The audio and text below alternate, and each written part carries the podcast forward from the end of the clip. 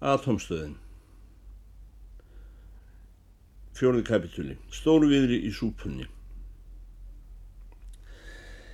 Við kvöldborðið spurði ég hvort nokkur vildi kaupa haptrættismiða fyrir æskulíshöll.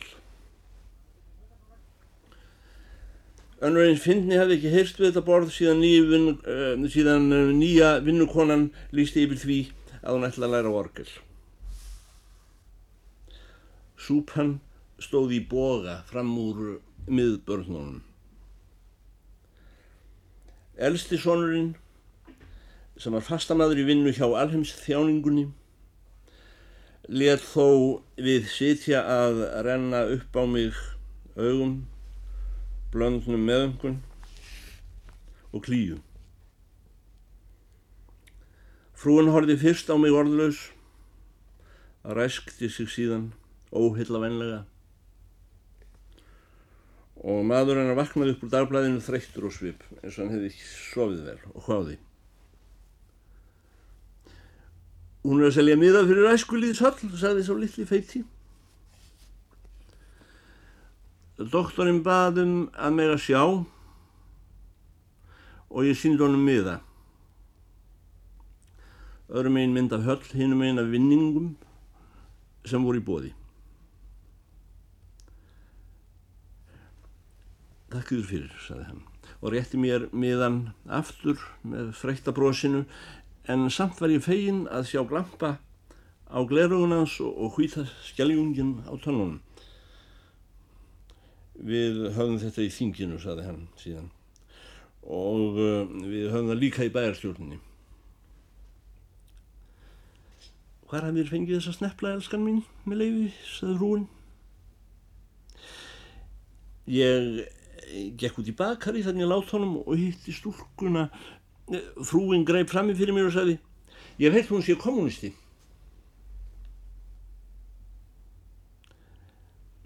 það var hjá henni piltur sem spurði hvort ég vildi taka nokkra miða sagði ég. Það eru kommunista sagði frúin. Hvað gerðist annars þannig í látunum? spurði bóndin og það var nú svo mikið mikið læti, saði ég. Víst, saði svo feiti. Það voru kommunistarnir. Það var dálítið hópur af fólki sem saði við viljum ekki selja landið. Mér var sagt að það hefði verið kennaraskólinn og kristilegt félag. Frúin saði, nú já, já. Þá er ekki sögum að spyrja. Alltaf þegar þeir breyðaða út að það sé einhvernir aðrir þá getur maður reitt sig á að það eru þeir. Þeir kunnaði etja fýblum. Kennaraskólinn og kristilegt félag. Mátulega. Hvers vegna ekki hvernfrelsisfélagið og kínadrúbóðsfélagið? Ég ræður til að losa yður sem fyrst við þessa miða. Þessi æskulíðshöll, það er seljubygging. Má ég sjá þá, saði litli feitur. Má ég fá þá? Ég stóð bak við stólinn heim, heimasætu efnisins og vissi ekki fyrir hún læst í hössum nöglunum ofanvert í hnésbótin á mér og gauð til mín þessum heit köldu augum annars ég hefði hugmyndum hvort hún væri með eða móti höll. Ég fekk drengnum einn miða í grannleysi. Alla, sagði hann. En rétt í því að var að taka við þeim hefst skínandi hönd á loft með demanti og armbandi og hrifsar á að mér, frúin. Og það skiptir öngum tóum, nefnum hún rýfur þá í kross, langs og þvers og þveitir reyfrildinu aftur fyrir sig gegnum opnar vændirnar inn í aðra stofu. Að þessu verki loknu leitt hún kallt á mig og sagði gælu orðalöst. Ef ég er byrjið aftur kommunist áróður fyrir húsinu og rek ég yður. Síðan letu hún upp í sig eina skeið af súpu. Það var síður elsta sonarins að reykja millir rétta, hann tók upp síkaretu þungbrýn með munvíkinn dregið niður í óendanlegum viðbjóði eftir súpuna. Það þýðir ekkert að æsa sig upp mamma, sagði hann. Fasismin hefur verið reyndur og það var ekki hægt. Kommunismin leggur undir þessi heiminn, allir vita það, Ríana Fer. Og hún reisti sig í sætinu, horfið beint á hann og sagði með gljáköldum postulín strángleik. Drengur minn, það er komin tími til að senda þig á hæli. Hef ég skapað þennan heim sem þú fættir mig í spili pilturinn jæðsfæringa löst og ég held áfram rækja. Og má ekki setna vera að ég segi þér dálítið fleira barni mitt. Upphóst konan og dró arnsúg í flugnum. Svo maður hennar vaknaði aftur upp úr dagblæðinu, brosti og laði lófan á handarbakenni. Og við það fýpaðist henni svon snýri máli sín á honum Þú brosir, saði hún. Já, það vil svo til þú úr fallut bros, en því miður. Hér er það ekki á réttum stað. Skudulla mín, saði maðurinn í bænarómi. Ég var úr borðstofinu og næm ekki staðar í eldhúsinu heldur gekk upp til mín í miðri súpunni fólksins og fór að hugsa. Var ekki best ég leti niður En þegar ég fór að týna saman þessi fáu plögg mín, myndi ég að ég átti hverki næturstað vísan ef ég færi og einhvern stað fyrir orgelið. Hver miklu er hægt að fórna fyrir stoltið? Við það skuld öllu, ef maður er nógu stoltur. Fáttur eins önd og láta trafka á sér, kannski ekki neitt, nefn að líka úti.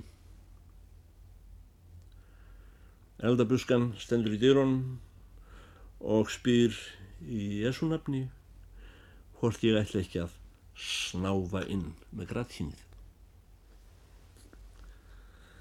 Þegar ég kom í borðstofn aftur og búin að vera vond og orðin góð hefði fjölskyldan lokið súpunni og þagði af kröftum. Doktorinn var fann að lesa blæðið. Ég tók fram tómudiskana og let inn næsta rétt og fór. Haptrætti smiðar æskulíðshallarinnar lágu á gólfinu og ég let það vera. Á vökunni var hljótt í húsinu. Miðbörnin fór út að standa bak við húsotn á samt ráþarabönnunum og öðrum heldrimannabönnum að senda vekkfærendum tónin en eh, við hann leik undu þau langtímum saman á kvöldin. Elsti sonurinn hvarf í ókunna staði.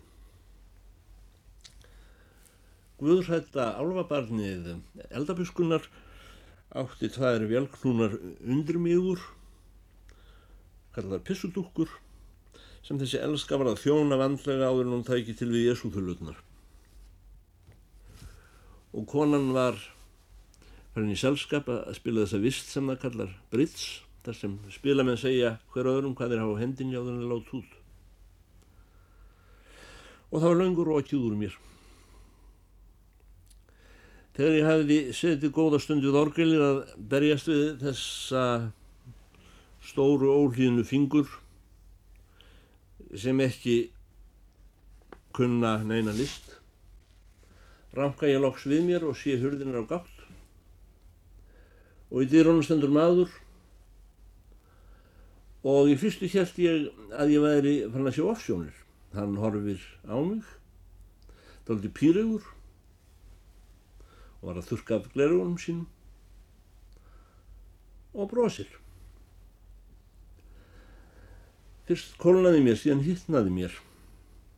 Ég stóð upp en var máttlausinn hjánum og fór að sjá í þókum og ég sverðis dýran eið að þetta hefur aldrei komið fyrir mig áður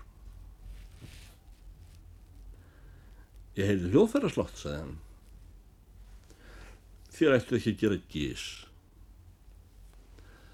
Hann spurði hver kennarin væri og ég nefndi hið algenganafn organistans. Er hann orðin organisti líka, saði búi Árland. Já, því ekki. Hann var alltaf langt á undan okkur hinnum. Svo langt að hann vandi sig á að sofa á daginn til þess að þurfu ekki að horfa upp á þetta heimska glæpafélag. Hann rækta blóm, sagði ég. Það var gaman, sagði doktorinn, ég vildi ég ræktaði blóm. Þegar ég las blöð, þá las hann ítalska reynisansi höfund á frummálunum.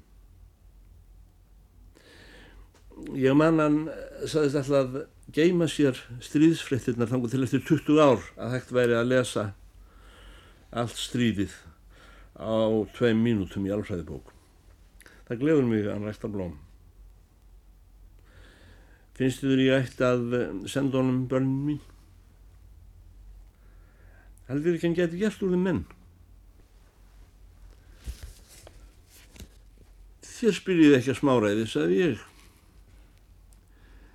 Þér vitið ekki að ég er það heimskasta sem til er á Íslandi og hef ekki skoðun á neinu og, og síst þegar ég tala við yður. Þér hafa jarðsamband, sagði hann og brosti. Má ég sjá á þér höndina? Og þegar hann hefði skoðað á mér höndina, stóru velsköpuð hönd. Og ég alveg eins og steikt manneskja, blöð innanklæða, hann skildi skoða höndin á mér. Hann kom glerugunum fyrir á nefinu með langa æðri hreyfingu. Síðan fór hann í vasa sinn og tók upp 100 krónur og fekk mér. Haptrættis miðanir í þar. Þeir kostuðu ekki náðu 50 krónur, sagði ég. Og ég get ekki skipt. Þeir skipti setna, sagði hann. Ég tek ekki við peningum fyrir ekki neitt, sagði ég. Verður óhrætt. Allir menn borga eins lítið þau komast annað, sagði hann. Það er lagmál. Ég er hakkfræðingur. Já, en þá verð ég að útviður tíu haptrættsmiði viðbútt, segi ég. En helst ekki rétt að þú yfir súpuna, sagði hann, og brosti, og fór, og lokaði eftir sér. Femtir kapli hjá organistanum mínum. Eftir postkortum að dæma skildi maður ætla að tónsnillingar hefðu verið guðir en ekki menn. Nú frekti ég að mestu tónskáld heims hafi verið veðsulusta afsögmanna. Sjúbert var á góðum mönnum vínar álítin ekki annað en ómentaðu strákur sem kynna ekki einu sinni músík. En það hefndi hann sín með því að semja skrillag eins og Afi María sem jafnvel sveitamenn fyrir norðankunna og dóur hungur sjúkdómi um þrítugt. Beethoven fjekk ekki einu sinni undirstöðum mentum smáborgara. Hann rétt kunna draga til stafsvipað og vinnumenn í sveit og samt í hlægilegt bref sem kallaði testamenti hans. Hann var hrifin af nokkrum greifinjum á svipaðan hátt og gamlir klárar af stóðmörum Í augum góðra manna í Vín var hann fyrst og fremst hernalus sérvitringur, illaklættur, óhreitn, ekki húsum hafum. Þó stóðu þessir tveir utangarðismenn hátt í mannfélaginu í samanbyrðu sem önnur mestu tónskáld heims. Margir voru í vinnumennsku hjá Grín kungum og hafði til að spila fyrir þá með þeir voru að geta. Þar á meðal Jóhann Sebastian Bach sem þó reyndar eitti enn fleiri árum í útistöðum við stráka í Leipzig. Hæðin, mesta tónskáld heimsins á sinni tíð, var marg sinni sparinn af Esterhasi í ettinni, þar sem var vinnumadur í 30 ár. Hann fekk ekki að borða með fólkinu. Mozart, sá maður sem næst hefur komist hennum efrum loftum, Hann stóð lægra í mannfélagssteganum en keltuhundarnir hjá smá skítakongum þeim og biskupsskauðum þar sem hann var hafður til sliðs og skits. Þegar hann var döður úr eimd og volað í blóma lífsins fylgdi honum ekki til graðar annað kvikindi en einn rakki. Menn báru fyrir sig að það hefði verið rigning. Sumur sögðust hafi verið með influens. Nú byrði um dans elddýrkara. Viltir menn slá trumbu á nætur þeirri kringum bál út í rykningu. og upphefst í miðjukafi fjögur að tóna lag úr einhverju hljóðfæri með heitan blæ sem fyrir gegnum mig og um, nokkrum dögum setna í miðju starfi vakna ég í snöggri sælu þrá til þess að heita stutta vilda lags. Og einu sinni tek ég eftir að það er hár á klopnu stúlkunni sem ég held væri sköllótt, ljósblótt hár, eða öllhaldur grænt, mikið í sér og feitt.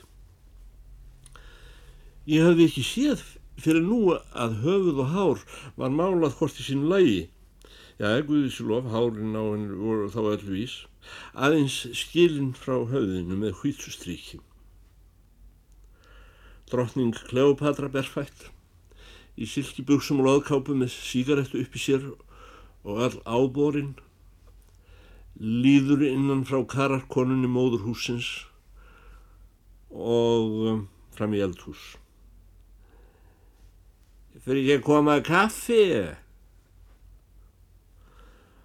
Organistinn, Kleopatra, þú átt alla Brasilíu og Tyrkland og Jöðu og ég man ekki hver fleiri kaffi lönd hann taldi. Já en hún er ekki með ellefu fingur, segi ég og horfa á myndina. Hver veina með ellefti fingurinn sé sá fingur sem hann vantar þó hún ætti skilða hafan, segir uh, organistin. Mynd er þó mynd, segi ég. Og ekki heldur annað, saði hann. Um daginn sá ég ljósmynd af vélritunarstúrku, hún hafði 35 fingur. Á ég að fara út í eldús og telja fingurna á kljópötru, saði ég. Hann saði mynd er ekki stúlka ég vil þó þessi stúlku mynd með að segja því líkari sem mynd er stúlku að samaskapi er hún fjær því að vera stúlka allir vilja sofa hjá stúlku enginn hjá eftirlýkingu af stúlku. Ég vil nákvæm vaksmynd af kleopötru hefur ekki blóðrás og ekki vakinu því að líkar ekki ell eftir fingurinn nú skal ég segja þessu ell eftir fingurinn kemur kannski staðin fyrir, fyrir þetta tvent sem ég var að nefna. Og þegar hann hafi sagt þetta leita hann á og hló. Síðan hallaði hann sér að mér og hvíslaði og ætli að trúa þið fyrir lendarmáli sem er merkilegast af öllu svo mynd Kleopötru sem fer næst henni allra mynda nefnilega personan sjálf hún sjálf sem gekk hér í gegnum stofun á þann og fór að hita kaffi fram í eldúsi. Hún hefur að vísu blóðrás og margt fleira gott en, en samt er hún allra hluta fjærst kleopötrum. Ekkert segir ferra af kleopötru en þessi tilvíljurnars kenda og, og þó raukfasta líf efna fræðilega samstæða. Já, menn sá maður sem heldur henni silfur brúðköp eftir 25 ár mun ekki vita meira um hana en hinn sem gisti hana í hálftíma eða þú sem sér hana í nokkrar sekundur ganga gegnum stofu. Hún er nefnilega ekki einu sinni líking sjálfar sín. Og þetta veit listamæðurinn og þess vegna málar hann á hana ellifu fingur. Myndirnar í húsinu hjá mér Nú fyrir norðanstúlkan að brjóta heilanum myndir út frá sjónarmiðum organistansins. Dægin eftir stend ég á gólfinu á samt tveim hústýrum, rafmagns, bónkústi og ríksugu og fyrir að horfa á myndir húsins.